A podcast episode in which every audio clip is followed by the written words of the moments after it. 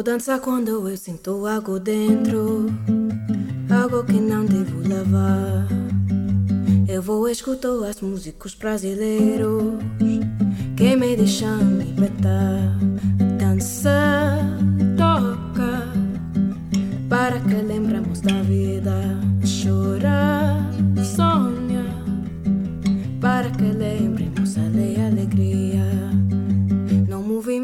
Bos días, boas tardes ou boas noites dende o recuncho de Arquitecturas en Fronteiras, no segundo andar da Escola de Arquitectura de A Coruña.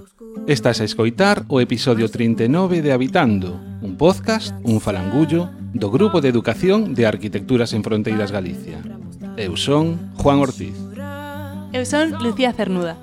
Eu son Sabela Girón. E hoxe contamos con Ruz, xestora cultural, integrante da cooperativa Almeiro e tamén de Ben Curiosa, e con Nuria, terapeuta ocupacional do Hospital de Día de Psiquiatría de Ferrol. Tanto Ruz como Nuria teñen en común ter desenvolvido experiencias nas que como ferramentas se utilizan activamente as cartografías sociais. Moitas grazas por achegarvos ata Habitando. Gracias a vosotros. Unha promo e comenzamos. Para que lembramos da vida, chora e sonha. Para que lembremos, para que lembremos, para que lembremos, ale, ale, ale, ale, para que lembremos, ale, alegria.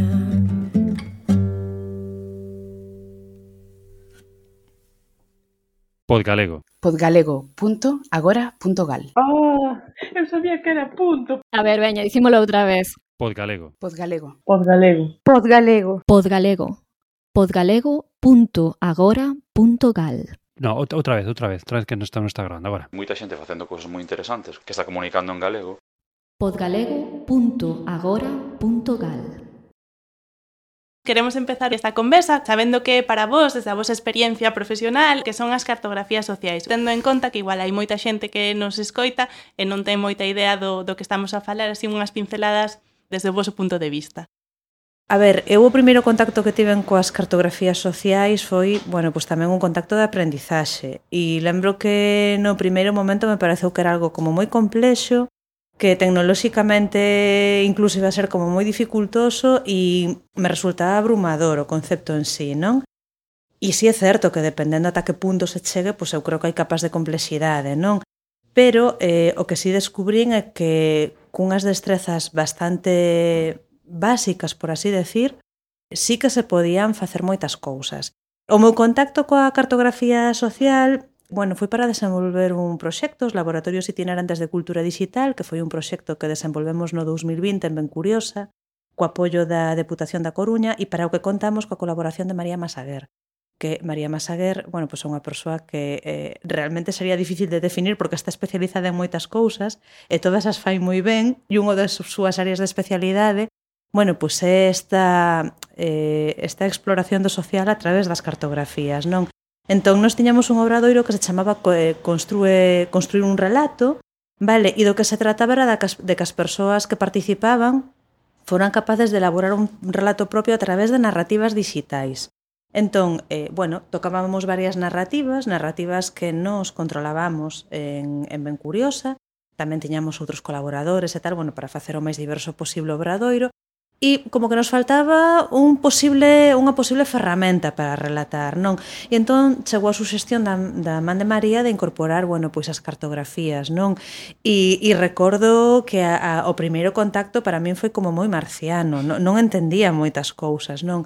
Pero si sí é certo que despois, cando chegamos á sesión práctica, antes desa sesión como que eu tiven a miña a miña propia sesión, non? Para despois, bueno, pois poder facilitar e compartir ese coñecemento con outras persoas. E sorprendeume a versatilidade, as enormes posibilidades que un mapa ofrecía a hora de contar algo, porque si sí é certo que creo que todos, ou polo menos as persoas de a pé, imos decir, uh -huh. as persoas do común, que non temos contacto pois coa cartografía, co, nin social, nin digital, nin nada, simplemente coa cartografía. A nosa idea é que un mapa é algo mm, que te sitúa puntos concretos xeográficos que podes identificar, pois unha cidade, unha parroquia, un monte, unha ría, unha estrada, non este tipo de cousas. Nunca se me ocurrirá pensar que un mapa pode servir para contar sentimentos, sensacións, aspiracións, eh, vivencias, eh, claro, asociadas ao territorio ou non, non? Porque despois entramos xa nos mapas conceptuais, noutro tipo de cousas, pero que incluso pensando nese mapa clásico, non? Que o relato que ti podes ir colocando encima é moi interesante e ademais permite que as persoas E iso foi o que descubrín xa como facilitadora ou como mediadora non deses procesos de aprendizaxe, que cheguen unha reflexión respecto á súa vida, respecto a quen son, eh, en relación ao lugar no que viven, eh, que lles fai chegar a conclusións moi potentes E ademais que, bueno, pois é unha tecnoloxía eh, sinxela no sentido de, do que decía antes, non? Que, bueno, a un nivel básico de complexidade xa podes facer moitas cousas e tamén será como esa especie de, de empoderamento tecnolóxico, non? De, carai, con esta ferramenta podo contar cousas e teño un relato propio, teño unha voz propia e teño vivencias que sirven para contar. Non para poñer sobre o mapa, nunca mellor dito, bueno, pois o, o que eu teño para expresar ou para compartir ou para divulgar. Entón, a miña experiencia e a miña vivencia do que é unha cartografía social pois é esa posibilidade que ofrece un mapa como un lienzo en branco ou como unha folla en branco de contar, de narrar e de reflexionar, non? E, e é unha ferramenta moi democrática no sentido de que penso que prácticamente calquera persoa podería, pois con axuda, non, de entrada, facer uso dela. Nomeaches a María Masaguer. Sí. Quen é María? Bueno, pois María, decía antes que difícil de, difícil de encasillar, eh, Nos chegamos a María, eh, bueno, pues porque necesitábamos para aquel proxecto alguén especializado en facilitación de grupos, que é unha das súas áreas de especialidade. María é historiadora, María está vinculada ao urbanismo participativo a través de diferentes proxectos e María traballa eh, en diferentes proxectos que teñen que ver coa relación das persoas cos lugares nos que habitan. Por eso decía que é difícil de definir porque bueno, pois hai xente que é profesora ou xente que, non sei, bueno, calquera, calquera profesión, non?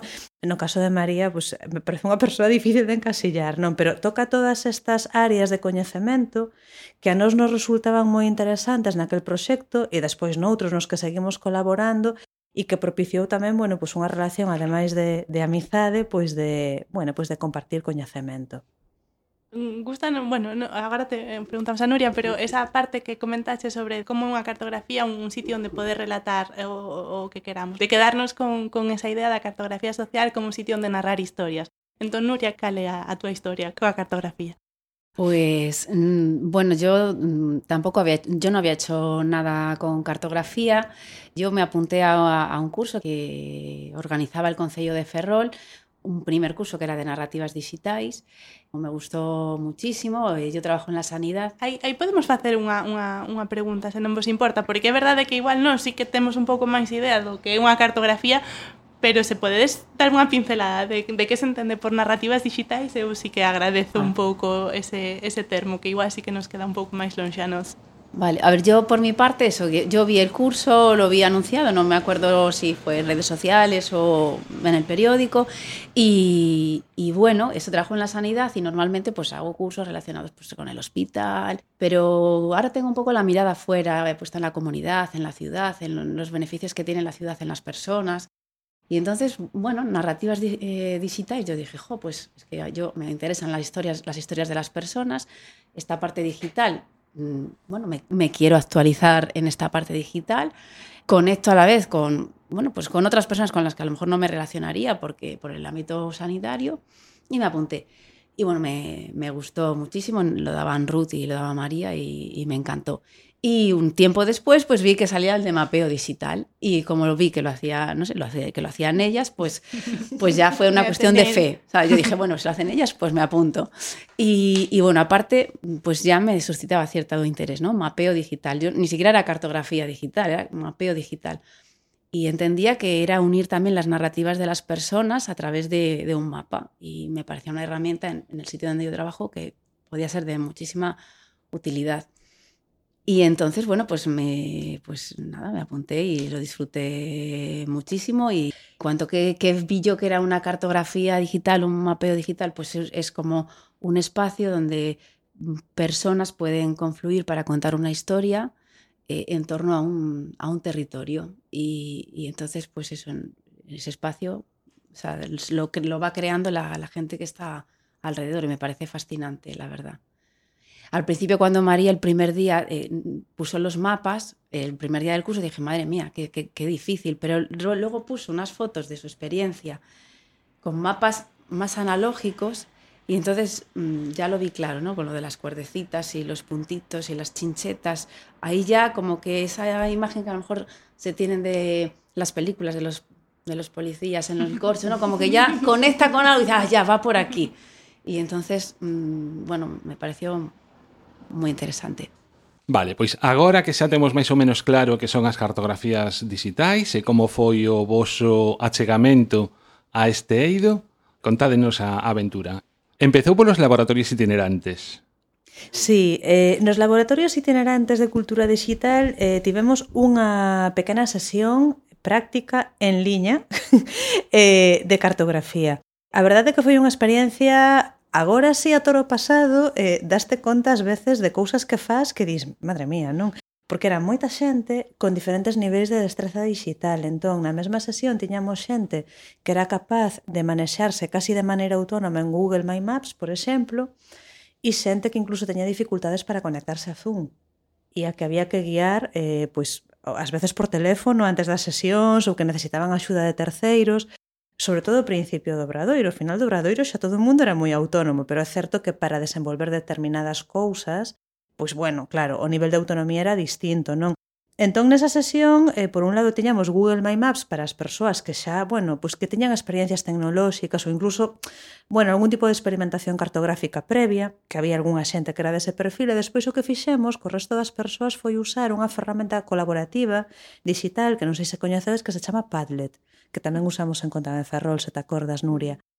Eh, bueno, esa ferramenta xera tabuleiros nos que as persoas poden traballar case ao mesmo tempo, de maneira colectiva, eh, tabuleiros, pizarras e tamén xera mapas. Vale, entón, eh, como é moi intuitivo e máis sinxeliño con Google My Maps así de entrada, máis amable a vista e demais, eso foi o que usamos coas persoas que teñan menos destrezas E, bueno, estábamos con elas, non? Fixemos grupos de Zoom, íbamos pasando dun grupo a outro, ademais, E había un grupo concreto eh, que eu lembro con moito cariño, eran, eh, bueno, pues un grupo de señoras, eh, eran palilleiras, estaban nunha asociación de palilleiras.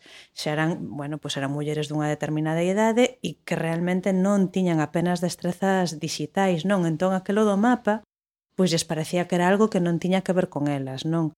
Entón a súa historia, a súa narrativa, iba, eh, bueno, descubriron falando no contexto do Obradoiro que tiñan unha historia común e que todas de nenas foran costureiras, como eran antes as costureiras que camiñaban dunha aldea a outra, dunha parroquia a outra coa máquina de coser na cabeza, non? Era un traballo moi duro e no que empezabas de moi nena, non? Entón, tiñan, ese, tiñan esa historia común, eran de diferentes parroquias, incluso de diferentes concellos, algunhas non se coñecían, pero falando de, de que podían falar, pois resulta que tiñan como ese pasado común. Entón non sabían como se levaba o un mapa. E, e pois, escoitándoas falar, de repente ocurriuseme preguntarlles si neses camiños que percorrían eh, si tiveran medo. E claro, todas tiveran medo. Saían pois, en inverno, imagínate, polas mañas cedo ou xa a tarde e de noite non había luz, había zonas sombrías, zonas de bosque, había animais, había persoas. Tamén eran nenas, eran nenas que iban solas por eses camiños, entón claro que tiñan medo. Entón ocurríseme preguntarlle que si, facendo visionado en satélite, da zona eran capaces de colocar lugares nos que tiveran medo. E fixeron un mapa dos seus medos. Wow. Entón era un mapa que había dende a pena da Moura que decía unha lenda que ali había unha bruxa e claro, lóxicamente, como nenas lle tiñan medo esa zona que era hoxe unha estrada pero cando eu era pequena era monte pechado e decían que había pois ladróns, asaltantes e demais, aquí cunha vez me saiu o lobo, aquí cunha vez caín e rompín unha perna. Bueno, ese tipo de cousas, non? Entón, pois saído aí un mapa do medo, nesa, no pouquiño que podemos facer nesa sesión. E eu aí quedeime xa como mm, moi enganchada co tema da, da cartografía. E despois, bueno, pois xurdiron a oportunidade de traballar en Contame Ferrol, que foi un proxecto pois, municipal non no que colaboramos e no que desenvolvimos varios obradoiros. Hubo de narrativas digitais que comentaba Nuria, que basicamente o que facíamos aí era, eh, bueno, persoas, colectivos que tiñan unha idea ou incluso un proxecto xa desenvolvido, pero un proxecto, imos decir, presencial, vale? Un proxecto convencional, normal, non sei como calificalo. Bueno, pois eh, que, que tiveran interés en incorporarlle unha capa digital, non? Pois, claro, unha capa digital poden ser moitas cousas, desde un mecanismo de participación ata unha web que conte algo, ata unhas redes sociais que sirvan para compartir un relato, ata un produto final digital, como pode ser un webdoc ou, ou un videoclip ou un podcast como este, non? Entón, bueno, viñeron varias persoas que estaban interesadas en ver que podían facer. E nós, bueno, pois pues, fixemos un percorrido por formatos, explicándolles que, que a tecnoloxía E aquí veño a falar tamén un pouco desta pregunta que había antes de que son as narrativas digitais. Porque eles viñan sen, sen idea do que querían facer. Non, non. Eles viñan cun proxecto que fixeran, pois o millor un traballo de investigación sobre unha cousa ou a idea de, pois por exemplo, Nuria, non, que entrou cunha idea e saiu facendo outra cousa, non, pero ela entrou pois coa idea de reactivar un blog que se lles quedara, bueno, pois perdido no limbo digital, hai moitos anos que había que actualizar, eh, bueno, cada un tiña unha idea, pero incluso había xente que viña sin idea, en plan, quero aprender porque non sei moi ben que facer, sinto que teño que incorporarlle algo a isto, pero non sei o que. Eh, entón, a nosa filosofía, a filosofía que traballamos dende ben curiosa con respecto á tecnoloxía é a tecnoloxía é unha ferramenta, igual que unha libreta, igual que un boli, igual que calquera cousa que podas empregar para facer algo. Tens que pensar que queres facer, para quen o queres facer, por que e para que o queres facer. E logo, buscamoslle o encaixe tecnolóxico. Porque ás veces a xente, eh, bueno, pon o foco no formato, pero bueno, o formato final unha caixiña na que metes cousas. E non pode ser que a caixiña sexa demasiado grande, nin tampouco demasiado pequena. Non hai que buscar o encaixe adecuado. E tamén o contido non que queres. Claro, claro, ten que estar todo como... Ten que ser orgánico, ten que encaixar ben, non? Entón, o contido do obradoiro iba nesa, nesa liña. E nunha segunda temporada do, do Obradoiro quixemos xa afondar en algo concreto, non? Quixemos, eh, bueno, pois desenvolver unha narrativa concreta. Quedáramonos tanto María como eu, non, con con ese un, con esa cousa de a cartografía da de sí, da de sí e nos laboratorios non nos deu tempo de experimentalo ben, non, porque bueno, tocábamos moitos paus, e aquí nos apeteceu facer un obradoiro que consistía en, en mapear digitalmente a cidade, a cidade de Ferrol, bueno, a cidade, o Concello, non? O, eh, o territorio de Ferrol e facelo a través de tres posibles liñas que eran o retrato do terri o retrato da xa non me acordo, Nuria. Tampouco me acuerdo, sí que eran eran tres líneas e sí. te tenías que apuntar a unha delas, la que máis sí. iba contigo, pero non me acuerdo Somos que un pouco só non Mira, eu creo que era eh, retrato dos lugares, eh, memoria dos lugares, memoria industrial e memoria veciñal. Memoria, non retrato, estaba, estaba confundida. Eh, bueno, a memoria industrial no caso de Ferrol é certo que un fío de relato moi potente e no que hai moito investigado e moito por investigar e hai xente que o fai entón ese foco de interese sabíamos que existía, que estaba Despois, a memoria dos lugares, bueno, porque as cidades cambian, e o teu barrio cambia, e antes aquí había un parque lloranón, ou antes había pois un edificio e ora hai un parque, non? E despois, bueno, pois a, a, a memoria veciñal, non esas cousas que, que están na memoria dos veciños e que se non as registramos e non nos las contan, vanse cos nosos veciños, non? E entón fixemos un proceso que xa era como un formato híbrido, xa non era en liña, había moitas sesións en liña, pero tamén había sesións presenciais, e entón o que fixemos foi ir do analóxico digital.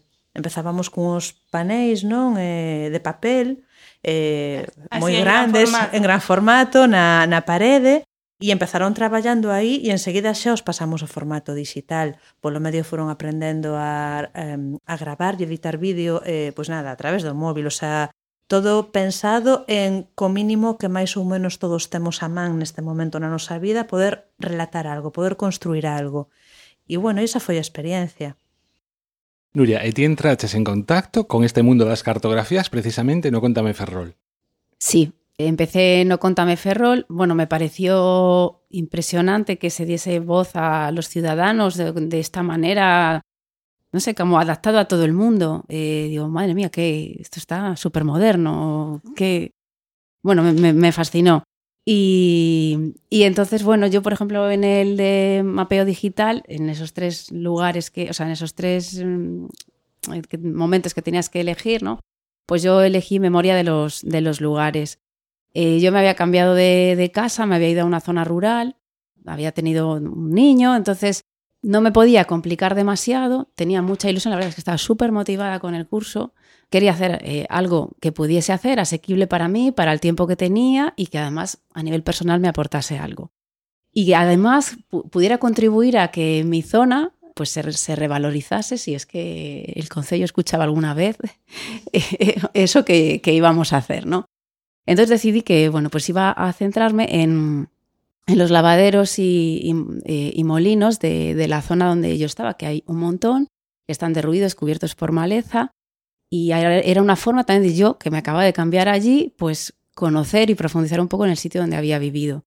Y esa fue un poco la, motivación que tuve y, la verdad estaba, no sé, me, gust, me metí, me metí de lleno, lo disfruté un montón. Quizá eso tenía eh, por la situación un poco personal tenía ganas de hacer algo y, eh, fue muy elegido y busqué la forma de, hacerlo y sacarle el máximo provecho.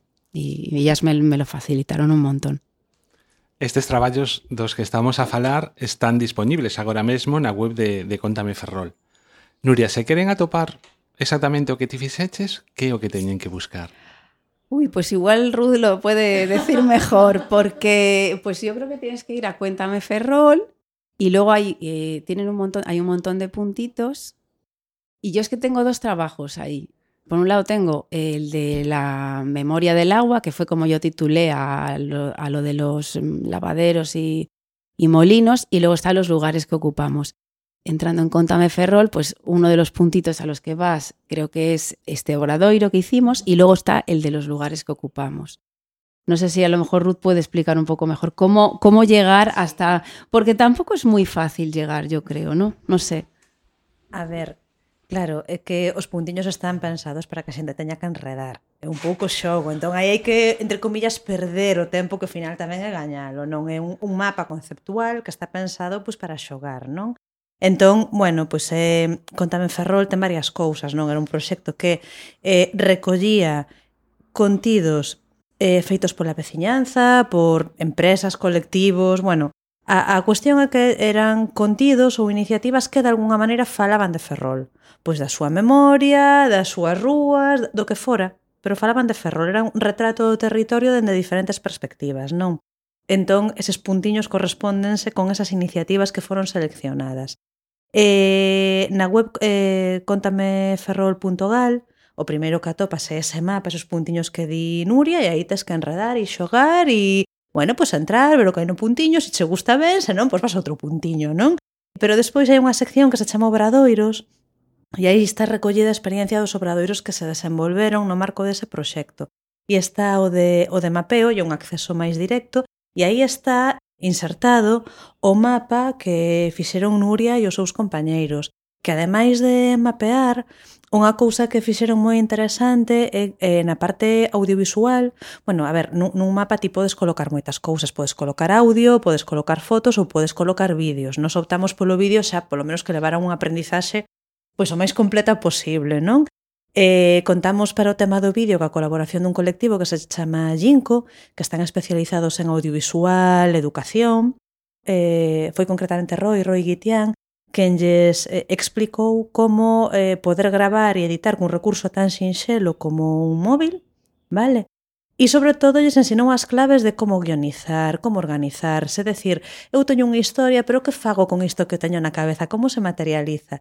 E unha cousa que me pareceu moi bonita non é só o resultado do mapa, como ese percorrido que calquera persoa que escoite este podcast e entre en Contame Ferrol, bueno, pois poida ver e poda navegar, non? Senón que me pareceu fascinante como en tan pouco tempo as persoas que bueno, pois que chegaron ao final do obradoiro porque era un obradoiro longo e había, houbo xente pois, que mellor que non puido chegar ao final, non? Pero as persoas que si chegaron e que fixeron os seus traballos en vídeo a mí resulta moi fascinante como en tan pouco tempo foran capaces de atopar o seu estilo narrativo, porque tiveron a mesma formación, pero eh, os vídeos de Nuria eh, pois non son como os vídeos de outra xente e ao revés, non? E ademais estaba como moi claro o estilo narrativo e estético de cada un deles. E a min parece moi fascinante iso, non? Como dándolle ferramentas e compartindo coñecementos dunha maneira sinxela, directa, fácil e sobre todo horizontal, non? Sair un pouco dese rol de te, te vou explicar lo que yo sé, non? Sino que vou compartilo contigo, facilitando como a xente de repente como que desenvolve recursos que non sabía que tiña e esa capacidade de narrar, non? De, de ser capaz de encontrar eses elementos que retratan exactamente o que un quere contar. Que, bueno, a min foi unha cousa que me pareceu ademais, bueno, me, me impactou moito, me pareceu até emocionante, non? Ver como cada un deles fora capaz de facer o mismo, pero totalmente distinto, non? Así que eu recomendo vos unha viaxe por esa memoria de Ferrol a través do mapa porque creo que vos vai gustar. Iso, bueno, é verdade que a, que a web incita completamente ao xogo xa cando estivemos preparando o podcast e que estivemos bicheando por aí eh, ímola deixar nos, bueno, nas notas do podcast seguro para que a teñades todos aí tamén a, a man, non fai falla que tomedes nota agora do, da URL. E ademais tamén permite, se non recordo mal, incluso ese, ese paseo leválo a, a realidade, facelo presencial tamén, non? Hai propostas de roteiros na web como para transitar a cidade a web, en algunhas cousiñas sí, tamén. a web recolle experiencias que se desenvolveron en Ferrol eh, nesa liña, eh, pois a cidade modernista, a cidade industrial, porque si sí é certo que, que en Ferrol hai varias experiencias que van nesa liña.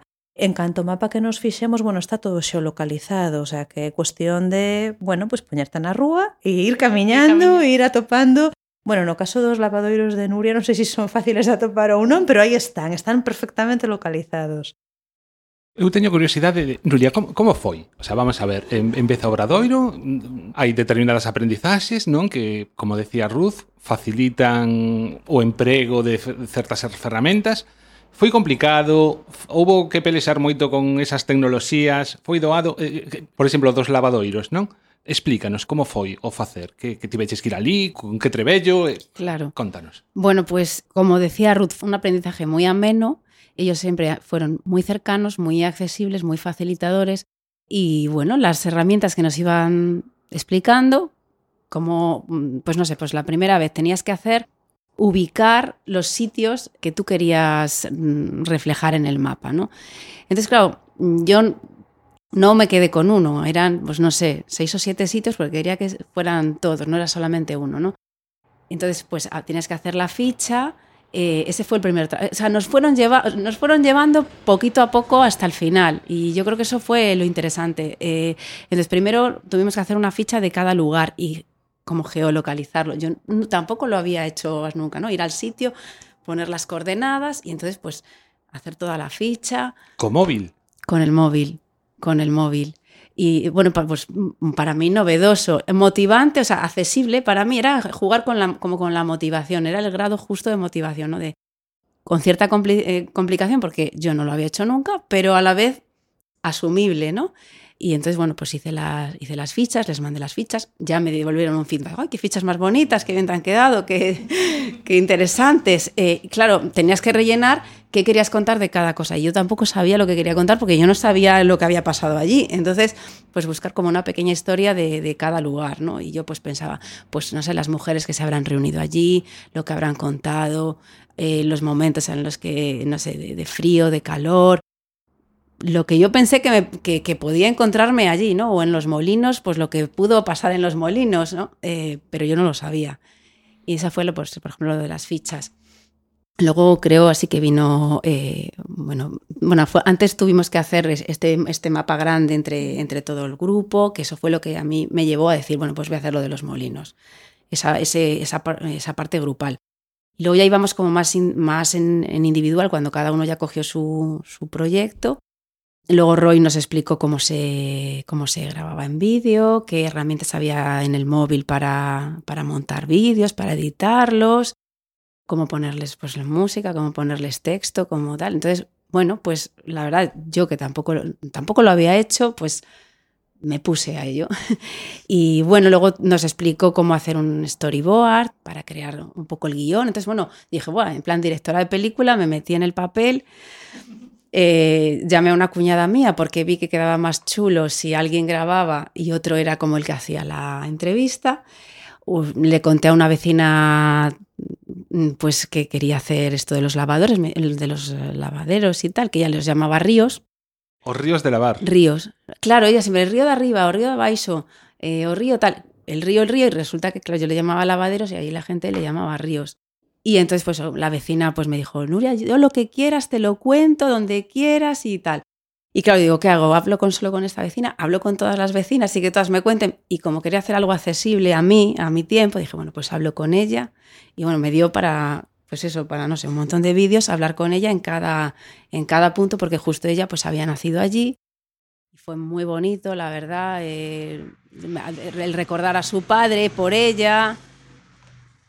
Eh, en cada, esa, en, cada, en cada sitio. Luego tuve, bueno, se invité a mi cuñada, le dije, ¿tú grabas? Yo pues voy así un poquito pues preguntando si hay que preguntar algo y, y lo grabamos. Y luego tuve un poco como la mala suerte que, que cuando tenía que entregarlo eh, se me estropeó el móvil. Se me estropeó el móvil, todos los vídeos, todas las grabaciones, nada, no pude recuperarlas. Lo intenté, no pude. Y yo dije, jo, pues nada, pues tengo que llamarla y que lo, lo, volvamos a grabar otra vez. Y otro día vino mi cuñada. ¿Cómo se llama tu vecina? Mercedes, Mercedes, se llama Mercedes, por supuesto. Además es fantástica. Que de hecho luego en la asociación de vecinos me dijeron que, que tenían que poner ese, ese, trabajo, que tenían que hacer como una cita para que, que aún no, no, lo hemos hecho, pero bueno, que querían ponerlo para, para que lo vieran un poco todos los, los vecinos. Y nada, lo volví a grabar y bueno, súper bien, me, me, me encantó. Me, me, metí, conseguí algunas fotos que me prestaron otros vecinos. Eh, hubo algunas imágenes grupales que sí que salieron vecinos caminando. Pusimos niños para no tener mucho problema, pues puse a mis hijos y a mis sobrinas, los puse así de espaldas, un poquito como contrapunto, ¿no? De cómo era la memoria del agua, pues lo que fue ¿no? Y un poco el relevo que es ahora pues los niños que, que vienen, ¿no? Entonces em, em, empiezan, si, me, si, no me acuerdo mal, no sé si empiezan los, ni empiezan los mayores jugando el parchís y terminan los niños pues jugando también por, por allí. Y, y fue un poquito así toda la historia. Ti es terapeuta ocupacional. Sí. Con todos estes aprendizaxes que sacaches dali, algún xeito de trasladalo á túa labor profesional? A ver, para mí se, se abrió un mundo de, de, de, de posibilidades. Eh, por ejemplo, tengo uno aquí en mente que todavía no lo he llevado, o sea, tengo varios en mente relacionados con el mapeo. Uno es con lo de los lugares que ocupamos, que utilicé una técnica del primer obradoiro, que era el fotovoz. El de los lugares que ocupamos, como que yo me centré en el fotovoz pero una idea es pues, poderlo llevar a, mapa digital. Luego, si queréis, pues os explico un poquito de lo que hicimos en los lugares que ocupamos. Y luego tengo otra idea de, mapa que, eso, yo trabajo en, en, salud mental y me encantaría hacer como un mapa de los primeros lugares sanadores para las personas. Es decir, una vez que una persona pues, ha tenido pues, una crisis y de alguna manera se ha metido en casa, cuáles son sus primeros lugares, ¿no? aparte de, pues de, de su, lo que es su entorno más cercano. Eh, y cuando empiezas a recuperarte, ¿cuáles son esos primeros lugares que visitas? Y de esos primeros lugares, esta es mi idea, de esos primeros lugares hacer un, un mapa, pues, a ver si puede inspirar a otras personas, ¿no? ¿Qué es, qué es lo primero que, que alguien reconoce como un lugar que le ha ayudado a mejorar? Y eso lo tengo un poquito de idea de hacer con, con el mapeo digital, por ejemplo. Y luego el otro, pues el de los lugares que ocupamos, que ya tengo como la base a través del, del fotovoz. Contanos, contanos. Vale. Bueno, pues los lugares que ocupamos, eh, bueno, como soy terapeuta ocupacional, me encanta poner ocupa, o sea, ocupar, la palabra ocupar, ¿no? Y, y eso, ir como creciendo a partir de sitios en los que permaneces y vas ampliando, ¿no? Decidí titular un poco a ese proyecto los lugares que ocupamos. Entonces yo les planteé a las personas con las que trabajaba que hiciesen fotografías de lugares que ellos consideraban que, que ocupaban en, en, el mundo, ¿no? Todo el mundo pues presentó fotografías. Fue un proyecto que nos llevó casi seis meses porque lo hacíamos una vez a la semana. Entonces ellos iban trayendo... Verdad. Sí. Coas persoas coas que ti traballas directamente sí, no hospital de Sí, vida. sí, con Perfecto. las personas que yo trabajo que entonces bueno, pues todo el mundo trajo sus fotos. Entonces pues luego claro, hicimos un trabajo de agrupar del, del pues agrupar por categorías fotos similares. Le pusimos un título a cada categoría. Entonces, de esas categorías salieron lugares que, que ocupamos eran el cuerpo, el hogar, el hospital de día, eh, la ciudad, la naturaleza y el deporte. Yo creo que, y seguro que alguno se me olvida, pero eran esos. Y luego se crearon, eh, de cada categoría se creó como una narrativa conjunta de cada categoría. Y al final hicimos las fotos eh, en formato exposición, pedimos permiso al hospital para hacer la exposición, porque yo también quería que otro lugar del hospital se ocupase, ¿no? Era un, era un, sitio en blanco allí que había y yo quería también que, que, la salud mental ocupase otros espacios, ¿no? Y que la gente viese que cómo las, las personas que, que en algún momento de su vida tienen una dificultad en salud mental, pues ocupan los lugares que ocupa todo el mundo, ¿no? Hicimos la, exposición, la inauguramos y bueno, pues no sé, fue una forma de, para mí de, promocionar un poco mm, la vida y darle valor a la vida de las personas con las que trabajo.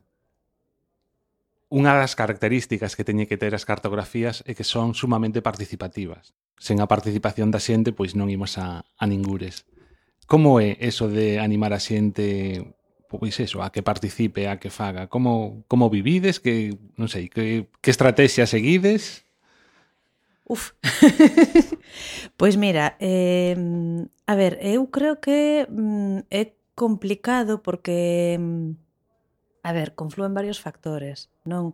Primeiro, que creo que participación e colaborativo son palabras que ahora mismo están no discurso de moitas persoas e de moitos colectivos pero creo que tamén ás veces cando usamos moito unha palabra acaba como quedándose un pouquiño baleiro e entón ás veces temos unha idea do que é participativo ou do que é colaborativo que non é o que, bueno, traslademos unha cousa que logo non é, non? Entón, bueno, hai esa dificultade, non? De que mm, o todo participativo e o colaborativo require un compromiso por todas as partes, non?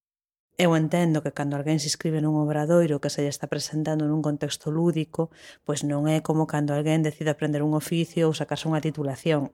Obviamente, non? Creo que son, bueno, outros códigos, outras cargas de traballo, outros niveis de intensidade e demais, non? Pero de alguma maneira hai un compromiso. Eh, se, se, se decides participar en algo que está chamado a ser colectivo, ti tes que comprometerte un chisquiño, non? Con ese obxectivo que se persigue. Entón, bueno, ás veces isto é difícil de trasladar. E despois tamén hai circunstancias que fan que realmente sea difícil poder estar nese nivel de compromiso inda que as persoas ás veces teñamos vontade, non? E unha das cousas que eu vexo que máis dificulta calquera dinámica participativa é a presa que son procesos, sempre dicimos, que, que requiren moito, moito tempo. Nos falamos sí. moito nos, nos patios, nos procesos participativos dos patios, que agora están intentando mudarse tantos patios de centros educativos, porque sí que é necesario, pero todo o mundo é, bueno, pois facemos un proceso, queremos un patio, queremos xa, eh, sempre na, no, nos cursos que damos con Proxecto Terra é como, vale, non, eh, calma, de claro. esto vai lento porque para que vaya ben, para o que se di non Chegamos claro. xa porque vimos. É que creo modo. que se mestura o que é o proceso co que é o resultado final. O resultado final é esa cousa concreta do entregable que é o resultado dun proceso. Entón, o que ocurre normalmente é que do outro lado eh, vense xa entidade que chama ou a persoa que chama non para pedir ese proceso E, e non digo que xa mala fe ni moito menos, non? Pero si sí é certo que, que non se valora, por así decir, o que é o proceso en sí. Parece que o que ten valor é o que entregas ao final, e o que entregas ao final chegas ata aí porque pasaches por un proceso. E se ese proceso implica a terceiras persoas, é un proceso moi complexo e que require de tempo, de moito tempo, porque Eu podo prever as horas que lle vou dedicar a un traballo, podo prever as tarefas que contén ese traballo, pero cando todo iso implica ter un retorno de terceiros que teñen outro ritmo de vida, outro ritmo de traballo, e que ademais non é o seu traballo, senón que están participando no seu tempo libre, claro, eh, esos ritmos son un poquinho impredecibles, non? Eh, bueno, a ver, obviamente todo ten que estar acotado, pero, bueno, pois hai, hai tamén que ter esa flexibilidade para entender que o ritmo se cadra do proceso, pois non é o que a ti che gustaría e hai que saber levalo, hai que manter esa tensión, non? Tensión en positivo me refiro, non? Que a xente non perde interés, que a xente se sinta involucrada, eh, claro, están os prazos. Se o proceso é moi longo, a xente que participa acaba por desconectarse porque se cansa. Se o proceso é moi curto, entón as cargas de traballo ou a intensidade da implicación que pode requerir é moi alta, por tanto a xente tamén se desmotiva porque non pode. Entón, atopar aí o término medio, ser capaz de soster todo iso, cando eres ti quen está mediando ou quen está facilitando, uf, a min realmente é a parte que me, que me parece máis complicada. E despois o da presa, Claro, estamos agora mesmo, bueno, estamos nun sistema productivo que pide presa, non? Temos que producir, producir, producir, producir e hai que facelo xa. E como que piden mediatez, por suposto, con, con un nivel de excelencia guai, pero rápido, non? Eso, estamos nun sistema productivo que nos pide rapidez, estamos nun contexto económico, político, social no que todo é rapidez. Eh, tes que estar como o quite de moitas cousas, pero que incluso como consumidores de, de cultura, eh, consumidores de cultura é un termo un pouco feo, pero todo o mundo o entende, vale? Jo, que tamén o facemos todo rápido escoitamos cousas a doble velocidade e o mellor estamos teclando no ordenador e estamos escoitando este podcast ou estamos escoitando un vídeo que se fixo para ver pero nos estamos escoitando a doble de velocidade porque mentras tecleo, escoito ou estamos vendo unha serie ou unha película e ao mesmo tempo estamos a, a ver que pasa nas redes, non? Como que estamos facendo todo rápido e todo simultáneo. Entón, cando de repente a xente aterra nun proceso que requiere unha pausa, un tempiño, un tempiño, que non un tempo, e, e unha calma como que non damos non damos porque nos están pedindo un ritmo que despois de todo sería como que o ritmo natural ou o ritmo que se cadra tiñamos hai un certo tempo e que agora como que non nos encaixa, non? É como tirar do freno de man. E, e claro, a xente costalle moito. Costalle a quen pide o proceso entendelo, costalle a quen participa nel. E a ver, os que de repente pois estamos como facilitando ou mediando, pois tamén nos costa Pero tamén o entendo, porque cando eu son a persoa usuaria dun proceso ou dun obradoiro tal, a mí me pasa o mesmo que de repente eh, tiña moita motivación, tiña moitas ganas, pero resulta que estou aí e teño presa. E iso é horrible. E eu creo que é algo que está dificultando moito que podamos disfrutar do que facemos e de que os resultados do que facemos, os resultados do famoso proceso, eso que o, o cliente ou a entidade que chama ou, bueno, quen sexa, espera topar, bueno, pois que o mellor non teño o nivel de profundidade que podería ter se todos tiveramos un pouquiño de calma. Pero bueno, que isto é algo que non imos resolver neste podcast porque creo que é un problema do mundo, non? Pero bueno, que está aí, está aí e creo que impacta en todo isto que nos facemos, non? Falabades que sempre hai alguén que chama, eh, no caso de, de Contame Ferrol foi o Concello de Ferrol. Mm por si mm, pensando en que se cadra alguén que estea escoitando este podcast que irá ou, ou teña ilusión de replicar unha experiencia parecida en, en outro territorio que ou, ou noutra situación similar, cales pensades que foron as, as aprendizaxes ou o resultado dese, dese proceso, non? Que queda ou que deu pé a que poida pasar, ainda, ainda non pasou, pero, pero está por pasar en Ferrol eh, grazas a, a esta experiencia? Bueno, eh, a ver, eh, Contame Ferrol desenvolveuse durante un período de tempo concreto. Eu creo que calquera cousa que comeza para que dé froitos que se podan, bueno, pues que, que sean evidentes, necesita de máis tempo, non? Estamos como do proceso e o resultado final. Pero a min, por exemplo, creo que o que ocurriu eh, en Contame Ferrol e tamén nos laboratorios que comentaba antes que era xente moi diversa no que insisto que había xente que non tiña destrezas digitais ningunha e aquelo se fixo en línea e foron capaces de facelo, non? Bueno, houve que mediar moito e, e deu moito traballo, pero foi moi satisfactorio, non? Eu creo que o máis inmediato é a satisfacción de ver como a xente adquire destrezas, non? Xente que, pois o que decía antes, lembro eh, a primeira sesión con un grupo no que vías claramente fillos ou netos colocándolle ordenador a alguén, non? Eso pasou o primeiro día. Despois a autonomía era plena, non? ou as dificultades cos que se facían cousas que o mellor se cadra para nós son super sinxelas, pero que para outra xente pois, eh, pois é a primeira vez, é a primeira vez que anexo algo nun email ou incluso a primeira vez que mando un email. Quero decir que, bueno, ás veces son cousas moi sinxelas, pero que te vas coa satisfacción de saber que esa persoa deu un pasiño pois eh, na capacitación digital, que, que agora mesmo un obxectivo non que temos tamén como sociedade, e que abrangue moitas máis cousas que, que mandar un email, pero que se empeza por aí, polo, polo super básico. Despois ver xente que, bueno, de alguna maneira que crece, non? Que, que, que se dá conta do valor que ten a súa vivencia, do valor que ten iso que imagina, das posibilidades, no noso caso, pois eh, que estamos como moi focalizados, non? Pois nas narrativas eh, digitais, na transición digital do sector cultural, non? é como o noso, o noso foco, o noso, o noso ámbito, non?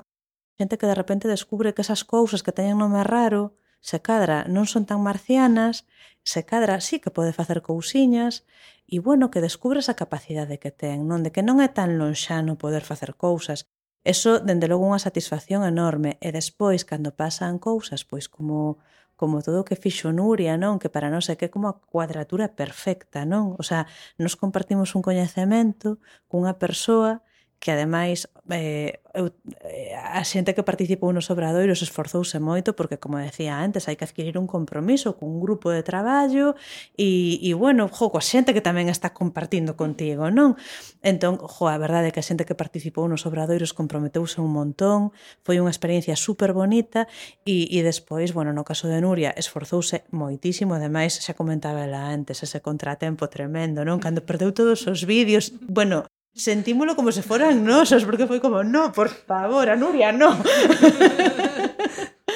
eh, pero bueno, pasar por toda esa aprendizaxe, incluso en cousas como ela comentaba, coas que nunca tivera ningún contacto, e despois ser ela quen leve esa aprendizaxe a súa comunidade, que neste caso é a súa comunidade veciñal, pero a súa comunidade tamén pois, no seu ámbito de traballo, non as persoas coas que ela traballa e as que ela axuda, non ser capaz de pasar polo filtro da súa, da súa vida o que aprende para darllelo a outros, bueno, é unha satisfacción enorme. Entón, claro, sería xenial que hubera moitas Nurias, non? Pero cunha Nuria hai máis, o sea, hai máis xente que fixo iso, non? Pero bueno, está aquí Nuria, non? Este, jo, para nós é unha satisfacción enorme, porque de alguna maneira como que todo iso que un día te sentaches a pensar A ver, que, que ellos conto na unidade 1 e na primeira sesión non, imos facer isto, non, imos facer isto outro para que se motiven pensando nesto, entón activamos este grupo e tal. O sea, todo eso que se leva un montón de horas e que non sabes nin siquiera, non coñeces a xente para o que estás facendo. Vanche cubrindo un formulario, entón ti fas preguntas no formulario, para que che conten cousas, entón vas intuindo como son eses perfis, pero claro, ti non coñeces a xente, non estás aí como construindo un futurible que despois pode funcionar ou non pode funcionar, non.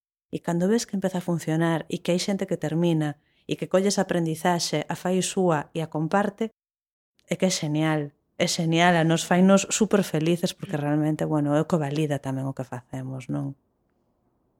Pois pues a la pregunta que hacía Sabela de por qué otros, no sé, otros lugares, otros concellos podrían hacer una, algo similar a, a lo que se hizo, yo creo que también es una forma de Yo ya os decía antes que a mí me, me gustó que, que, una ciudad mm, decidiera que sus vecinos hablasen de, de, de, las, de sus propias historias, ¿no? de cómo conocen ellos la ciudad, ¿no? que no, no sea gente súper estudiada la que cuente de todo, ¿no? sino que sean los propios vecinos los que cuenten esas historias.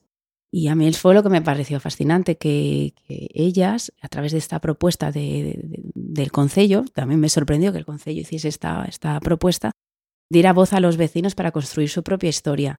Y eso era lo que también quería comentar, que yo creo que yo animo a otros concellos a que hagan este, las, las llamen, hagan esta iniciativa, porque es una forma de, de, de conocer aún más los, sus lugares.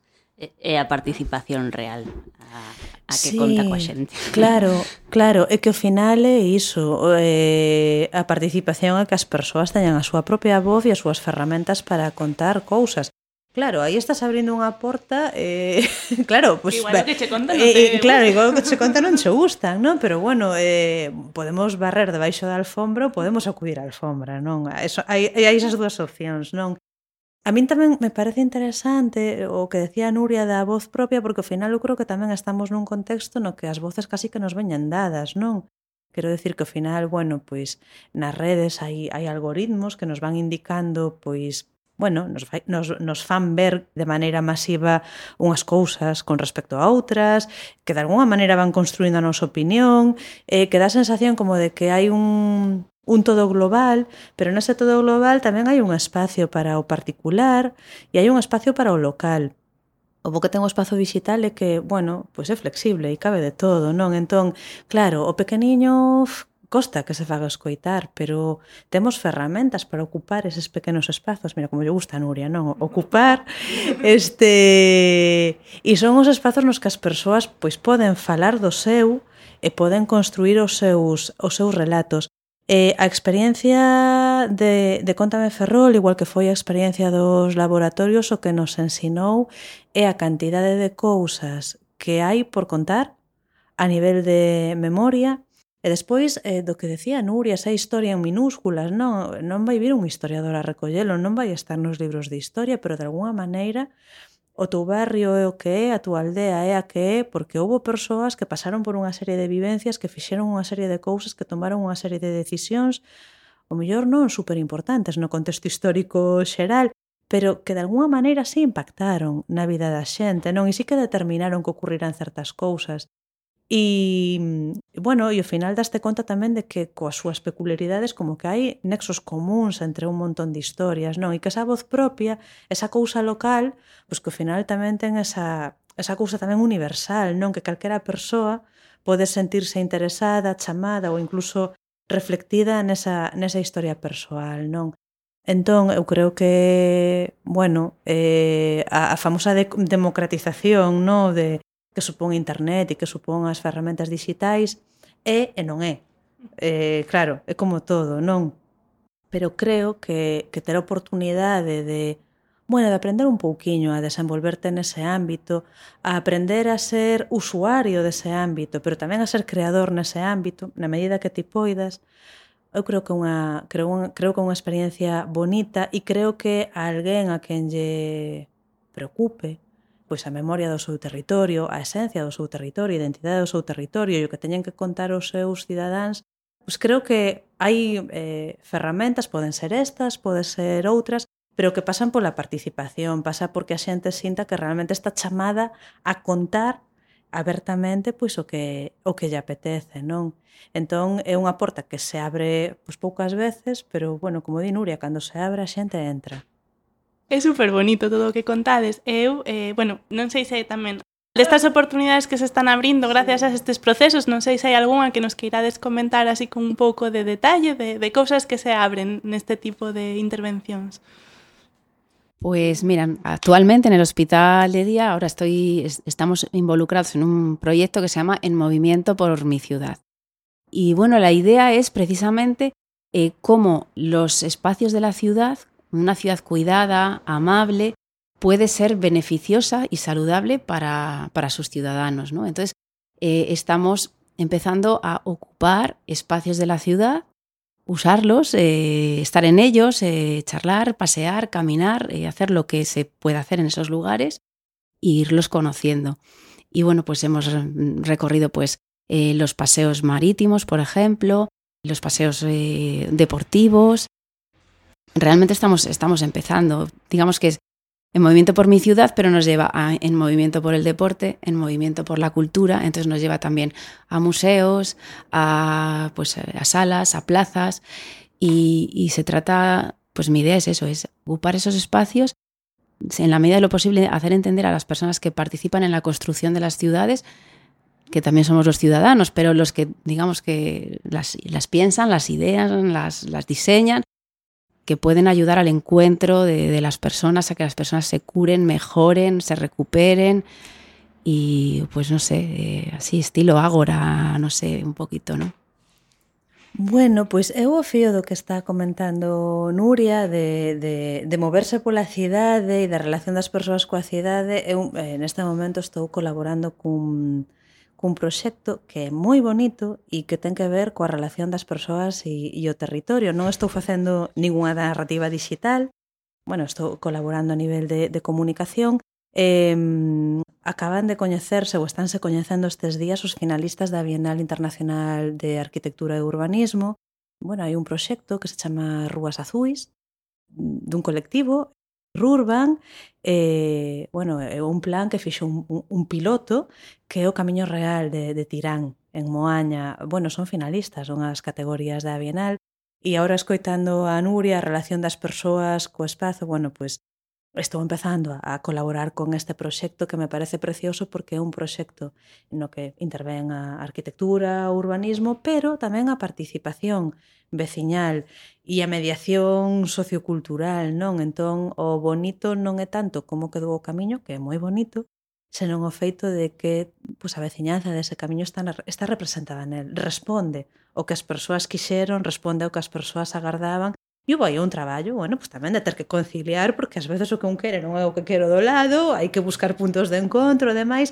Entón, bueno, é un proceso moi moi chulo, no que me parece unha maravilla poder colaborar. E xa relacionado pois con narrativas digitais, máis do que estou pendente de facer, sí que me gustaría compartir con vos cun proxecto que fixemos eh, a continuación, eh, que non ten que ver co espazo, pero si sí ten que ver con, cun certo mapa, inda que este un mapa conceptual e é Saberes Próximos, que é un proxecto que recolle persoas e colectivos que invirten o seu tempo en recoller, en coidar, en divulgar ou incluso reformular o patrimonio material focalizando sobre todo na, na sociedade civil, por así decir, non? Eh, porque, bueno, ao final o ámbito científico ten as súas canles, non? E ten as súas plataformas, pero hai un montón de persoas realmente eh, o mapeo, o resultado do mapeo, a primeira impresión é, pero, canta xente está dedicada a isto, por tanto, canto patrimonio todavía hai por traballar e por, por conservar e por contar. Entón, pois, con ese mapeo de, de axentes, de persoas, de colectivos, fixemos un mapa que neste caso non... Bueno, tamén hai a versión mapa xeolocalizado, pero eu creo que máis bonita é a versión mapa conceptual, que é como unha rede que se move, que tamén ten puntiños para, para xogar e que tamén resultou ser unha, unha experiencia pois, pois gratificante e que tamén ten un podcast, por certo, as conversas dos saberes próximos. E bueno, pois nada, en cousiñas dese, dese tipo andamos.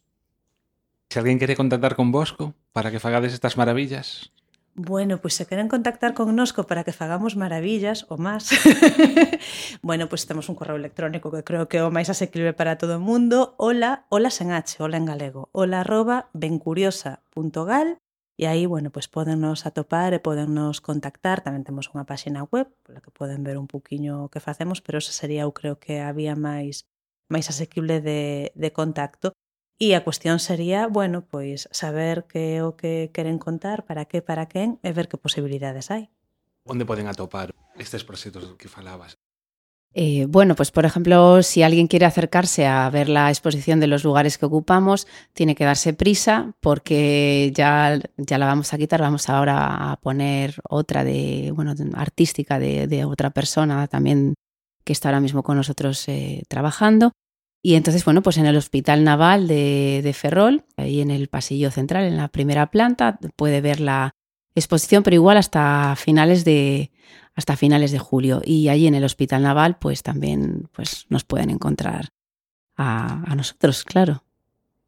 Temos que sacar pronto podcast para que aínda lle dé tempo a xente. Pero bueno, según se non ese, pois serán outros proxectos os que estaredes a, a expoñer. Seguro. Expoñedes normalmente ali no Naval de Ferrol? Yo es algo que, quiero hacer, o sea, empezamos con esta exposición porque ya os comentaba que era un, era un lugar que se creó nuevo, un poco transitorio, unos paneles blancos porque crearon un lugar para farmacia que no había en un pasillo, entonces es un espacio en blanco tremendo. Y entonces mi idea es que todo lo que se vaya haciendo se, se, vaya, se vaya viendo y la gente pueda reflexionar y que de eso surjan otras cosas. Es como abrir ventanas y a ver qué pasa con esa ventana. Y yo creo que la única forma de que se abran las ventanas es que la gente pues vea que están abiertas, si no, no, no entra el aire. Entonces, bueno, pues eso, eh, que, que la gente sepa que estamos ahí y que luego, pues, lo que surja. Algo ten que deixar de, de, desta conversa porque, jo, non sei, hai como moitísimas cousas que nos resoan a nós que poderíamos compartir con vos e, bueno, agora cando pechemos micros, xa teño moitas ideas na cabeza para pa proporvos e, e, e non sei, moitísimas grazas, porque é unha sorte poder ter neste espazo xente da sanidade que non é algo que normalmente teñamos grazas e tamén da xestión cultural tamén e, e da, bueno, e todo o tema das narrativas non sei, super, super enriquecedor e moitísimas grazas. A vosotros, a vosotros, un placer.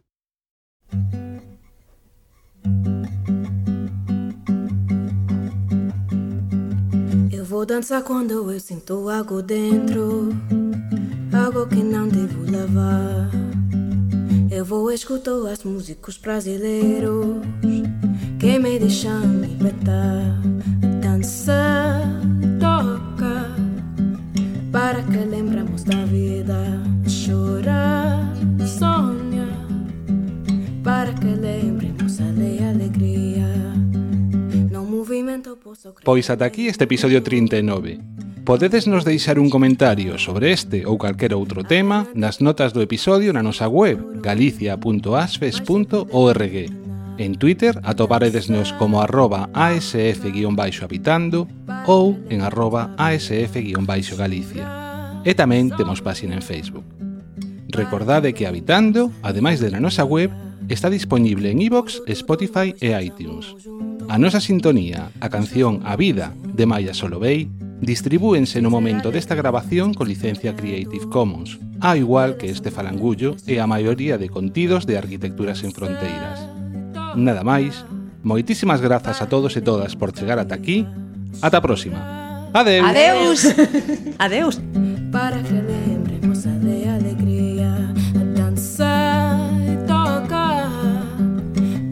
lembramos da vida, chorar